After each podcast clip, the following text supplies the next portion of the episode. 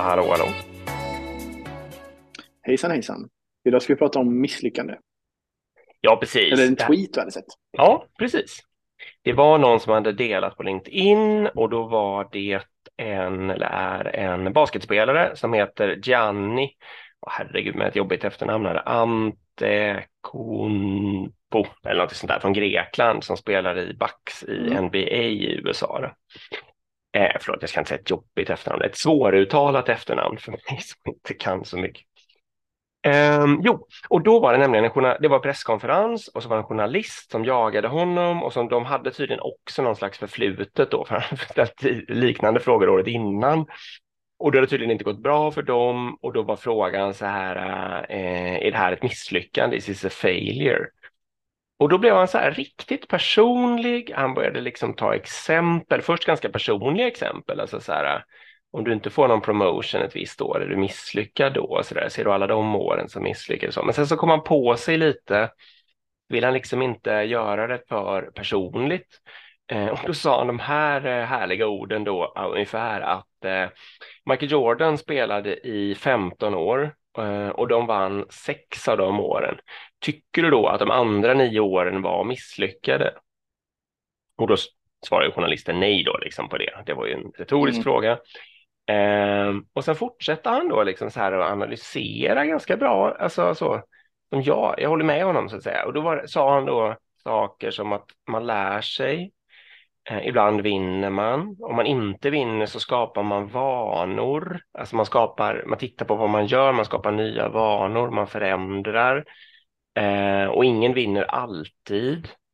Ehm, Mm. Och liksom idrott, eller för den delen en karriär eller vad det nu är, är liksom att eh, det går bra ibland, det går dåligt ibland, men om man ser det som misslyckande så kommer det liksom ja, inte kännas kul då, det kommer heller inte, det kommer kännas bortkastat och sånt där. Och han ville ju då snarare tvärtom, liksom att det kändes som eh, eh, som en, en möjlighet att lära sig och, och vara där och ha chansen nästa gång och så vidare.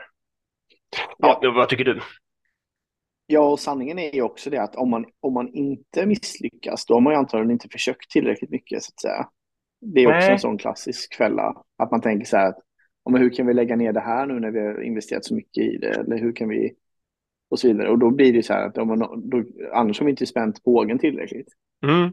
Om vi aldrig spänner bågen, då kanske vi inte heller lyckas. Alltså så att säga, om de inte hade misslyckats de här åren, då kanske de hade vunnit tre istället, istället för sex. Eh, För att de inte hade liksom vågat och kanske då både ändra spelstilen eller rekryterat viss typ av människor och sådär.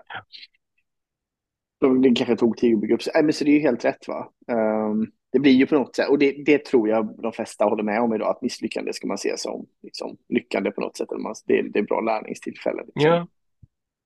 Ja, han ville ju inte, det var inte så att han tyckte, han höll ju med om att de hade förlorat liksom, det var inte det. Eh, Mm. Utan det var just att han såg det inte som failure. Jag vet, det kanske låter ändå Nej, starkare precis. också på engelska. Mm. Eh, och han ville inte se det som det, liksom, utan han såg det som en del av att vara idrottsperson och hålla på med, med sport. Mm.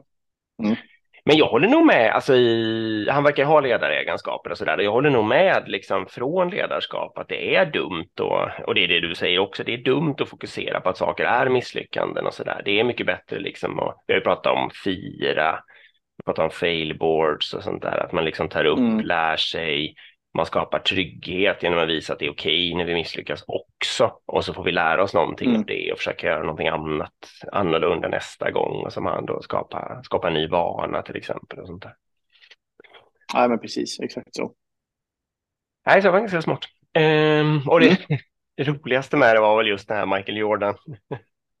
Att han, man Nej, använda sig av så. på jobbet helt enkelt. ja. Han gick på så hårt och, och matade de här retoriska ranten liksom, på den här journalisten. Enkelt. Ja, du får skicka det, jag vill se det klippet. Ja, jag ska se om jag kan hitta den länken. Eh, ja, ja, det var kanske Ja. lagom det. Bra, Ja, bra.